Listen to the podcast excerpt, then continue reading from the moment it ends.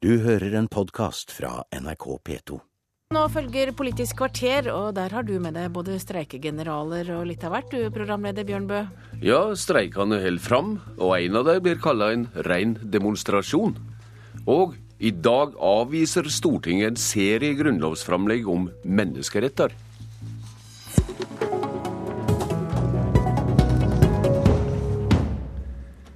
Streikene holder altså fram, og akkurat nå er det vekterstreiken som tar mest merksemd. Leder i Norsk Arbeidsmannsforbund, Erna Hagensen, det var kontakt mellom partene i går kveld, men streiken blir utvida i dag. Hvordan er status slik du ser det? Hallo, Erna Hagensen. Erna Hagensen skulle være med på telefon, men eh, det lykkes ikke akkurat nå. Derfor så går jeg videre til deg, leder i Unio, Anders Folkestad. Det eh, årsak, da har vi Hagensen med her igjen. Og Erna Hagensen, det var kontakt mellom partene i går kveld, men streiken, vekterstreiken blir utvida i dag. Hvordan er status slik du ser det? Eh, ja, først er det riktig. Vi hadde noen sonderinger hos meglingsmannen i går. Og vi har blitt enige om at vi skal møte med delegasjonene til eh, nye sonderinger i dag. Jaha. Da, da får vi se hva resultatet blir ut av det. Rekner det med å være ei formell, frivillig mekling utpå formiddagen? Det er eh, veldig tidlig å si noe om. Vi må først ta de sonderingene. Så får vi ta det derfra. Hva er det som må til for at streiken skal ta slutt innen i morgen? Kravet vårt er jo også regulert den garantibestemmelsen som det vi har i avtalen. Vi har en garantiordning som sier at man ikke skal tjene mindre enn 85% av industrilønna. Den garantiordningen har vært der i hvert fall i over 30 år og har aldri blitt regulert. Mm. Så er vi da enige om at vi skal jobbe for å bedre lønnsnivået, altså nærmere industriarbeiderlønna. Men arbeidsgiverne vil ikke være med på å forplikte seg til noe for å komme dit. Nei, men De sier at de har en garantiordning som uh, virker akkurat nå? Jo, det er den garantiordningen på 85% Og vi har i alle de årene ligget mellom 81 og 85 av industrilønna. Mm. Og Derfor så mener vi at tida er inne for å regulere den. Og vi har sagt hvis de ikke vil være med på å regulere den, så må de komme med et annet forslag til hvordan vi skal komme videre. En konkret plan for å komme videre. Eh, nå utvider det altså streiken. og Når det etter hvert råker helikoptertjenester i Nordsjøen, da nærmer det kanskje også spørsmålet om tryggleik, og da lurer gjerne lønnsnemnd ved neste sving? Ja, Vi mener at eh, det ikke er grunnlag for noe lønnsnemnd på nåværende tidspunkt. Fordi eh, Eh, vi har prøvd å skjerme der hvor det er eh, fare for liv og helse. Mm. Men så sier du altså at det kommer sammen med motparten utpå formiddagen i dag, og så kan dette gli over i ei formell frivillig mekling, da? Ja, Det er som sagt for tidlig å si noe om, men vi er jo villige til å ta opp igjen noen sonderinger. Fordi vi ønsker jo å få avslutte streiken, men det må altså to parter til for å kunne klare det. Mm. Da sier jeg i denne omgang takk til deg, leder i Norsk Arbeidsmannsforbund, Erna Hagensen. Leder i Unio, Anders Folkestad. Det har streik i gang både i staten og i kommunene. Flertallet av de streikende i staten gikk tilbake til arbeid lørdag. Det gjorde ikke Unio, men uten utsikt til å få mer enn de andre. Din forhandlingsleder Arne Johannessen har gått langt i å erkjenne at dette er en demonstrasjon. Hva er dine ord på det? Streik er jo eh, markering av eh, usemje. Og eh, slik dette gikk, så eh, ble ikke Unio enige med staten, fordi at eh, vårt forhandlingsutvalg var helt klare på at eh, dette ikke var et opplegg som traff medlemmene i Juno godt nok det som eh, var en viktig grunn, i tillegg til den samla økonomien, var at det ikke kom et justeringsoppgjør, mm. som er svært viktig for å løfte enkeltgrupper, enten det nå hadde vært i politiet eller i universitets- og høgskolesektoren. Når det ikke kan vente å få stort mer, i hva grad styrer det nå mot å utløse lønnsnemnd, så det slipper å godta om lag det samme som de andre? Hvis uh, vi ivra etter lønnsnemnd, så hadde det opptrappingsuttaket vi gjorde i helga sett helt annerledes ut. Dette er fremdeles eh, en ansvarlig streik som ikke skal kalle på lønnsnemnd. Det er rett at det har vist seg vanskelig å mm. få bedre resultat eh, når andre har akseptert, og spesielt etter en streik. Men hva er det som men det, ligger Men det er, det er verken utenkelig eller umulig. Vi har sett dømme på at det har skjedd, så uh, vi arbeider for det. Ja, en kan vone, sa Arne Johannessen lørdag. Hva er det som ligger i det når det snakker om en langsiktig strategi ved å forlenge streiken? Ja, Et av eh, elementene er jo nettopp det jeg var inne på. Staten la ikke opp til et eh, justeringsoppgjør. De har vært svært uvillige til i hele tatt å bruke den viktige metoden som har en sterk tradisjon i staten. Og for vår del så er det langsiktig eh, at vi skal holde fast på at det er et element i statsoppgjørene. Det er svært viktig for mange utdanningsgrupper. Et trykksmål for neste runde, med andre ord. Det er i kommunene tyngde av streiken er. Her var det ymt om ny kontakt i går. Hva skjer, Anders Folkestad?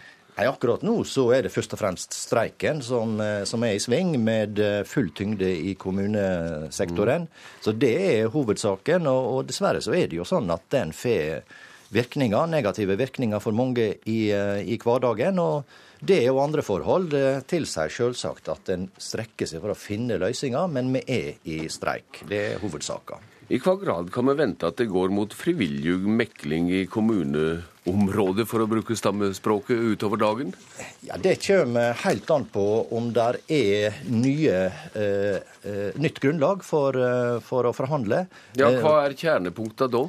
Nei, Fremdeles så vil det jo handle om totaløkonomien. Det er penger og prinsipp.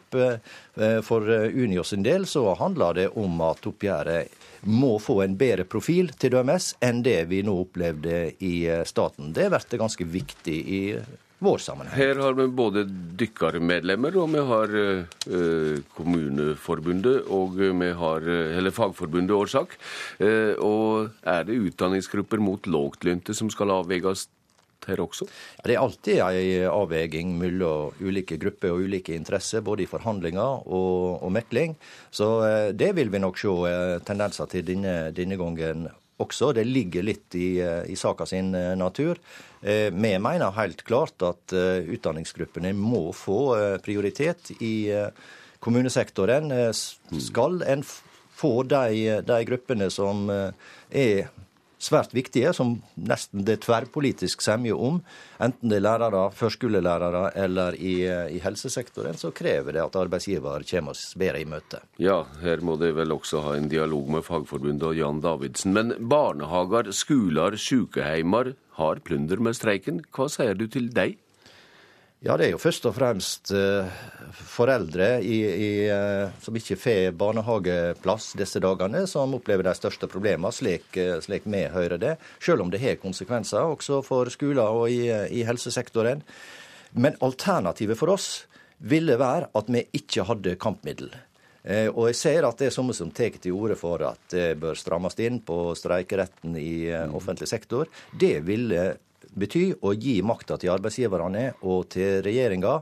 Og jeg syns at spesielt slik som regjeringa har manøvrert i, i, eh, denne sammenheng, så illustrerer det hvor ille det kunne ha gått hvis ja. Eh, streikeretten Nå har vi ikke fått noen arbeidsgiver til å være med oss her, men folkestad Folkestad, dersom søppelet hoper seg opp for lenge og sykehjemmer kommer i vansker, så nærmer en seg kanskje lønnsnemnd også i kommunesektoren?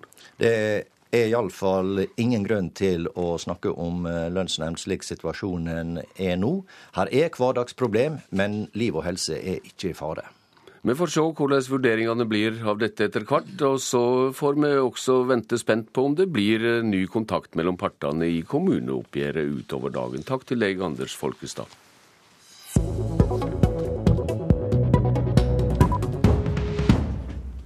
I dag avviser Stortinget åtte framlegg til nye punkt i Grunnlova.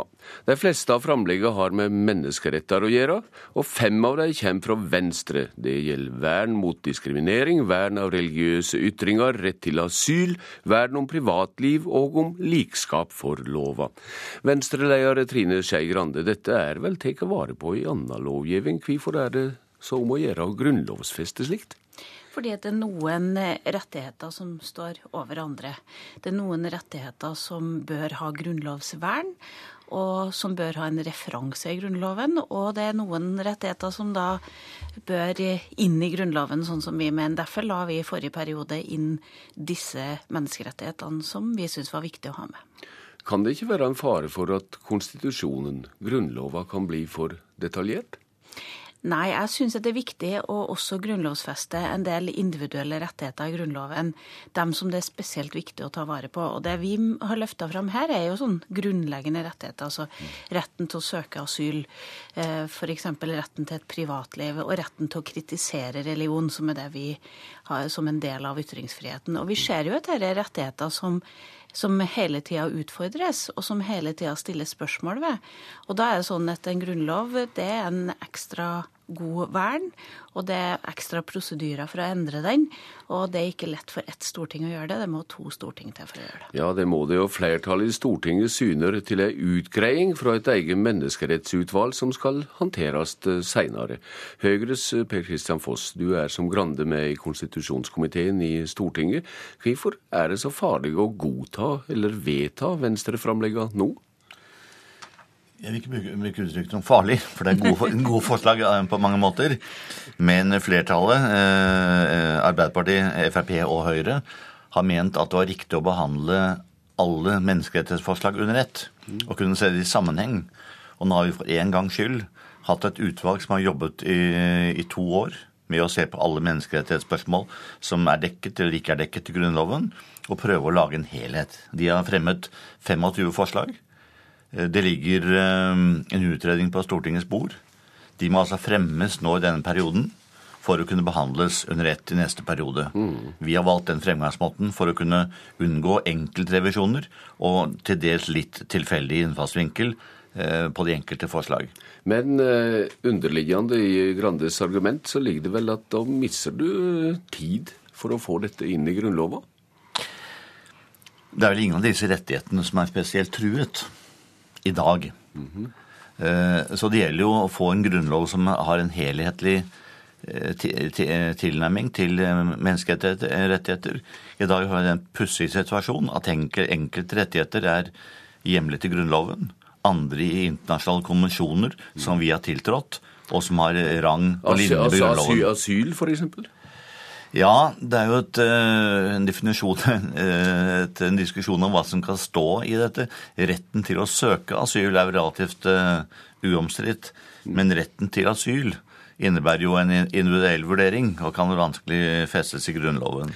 Men f.eks. retten til religiøse ytringer er, er, er viktig nok, men også retten til å melde seg ut av et kirkesamfunn er hjemlet i det nye forslaget mm. til, eh, til, grunnlov. Og det er viktig å få med kanskje inn uh, i en helhet. Ja, Trine Skei Grande, når det har hatt et tverrpolitisk utvalg i sving, så er det gjerne rett å vente, slik eh, Foss sier, på ei ferdigtygd pakke av menneskeretter, for å si det slik? Vi, vi skjønte nok at vi hadde en dårlig sak når hele, kommet, hele denne utredninga kom på bordet, og at det var vanskelig å få flertall for de endringene vi ønska. Men det vi, det vi håper på i dag, er jo at noen av partiene kan se at eh, noen av forslagene har gode ting i seg, sånn at vi tror at vi kan få flertall for dem i neste omgang. Og når vi fremmer det, så har det jo vært pga. aktuelle debatter. Altså retten til å kritisere religion som en del av ytringsfriheten kom på bakgrunn av karikaturtegningene, mm. som viste at det ikke var en soleklar rett, heller ikke i vestlige land, som vi vel kanskje trodde.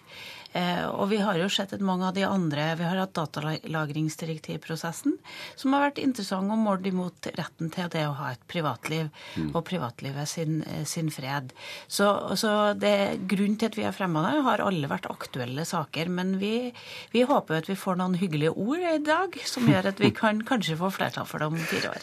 Ja, det var det noe, Per Kristian Foss. Du var så vidt inne på det, men eh, det går en viss tid da nå før denne pakka, om vi skal kalle det med menneskeretter kommer inn i Grunnloven?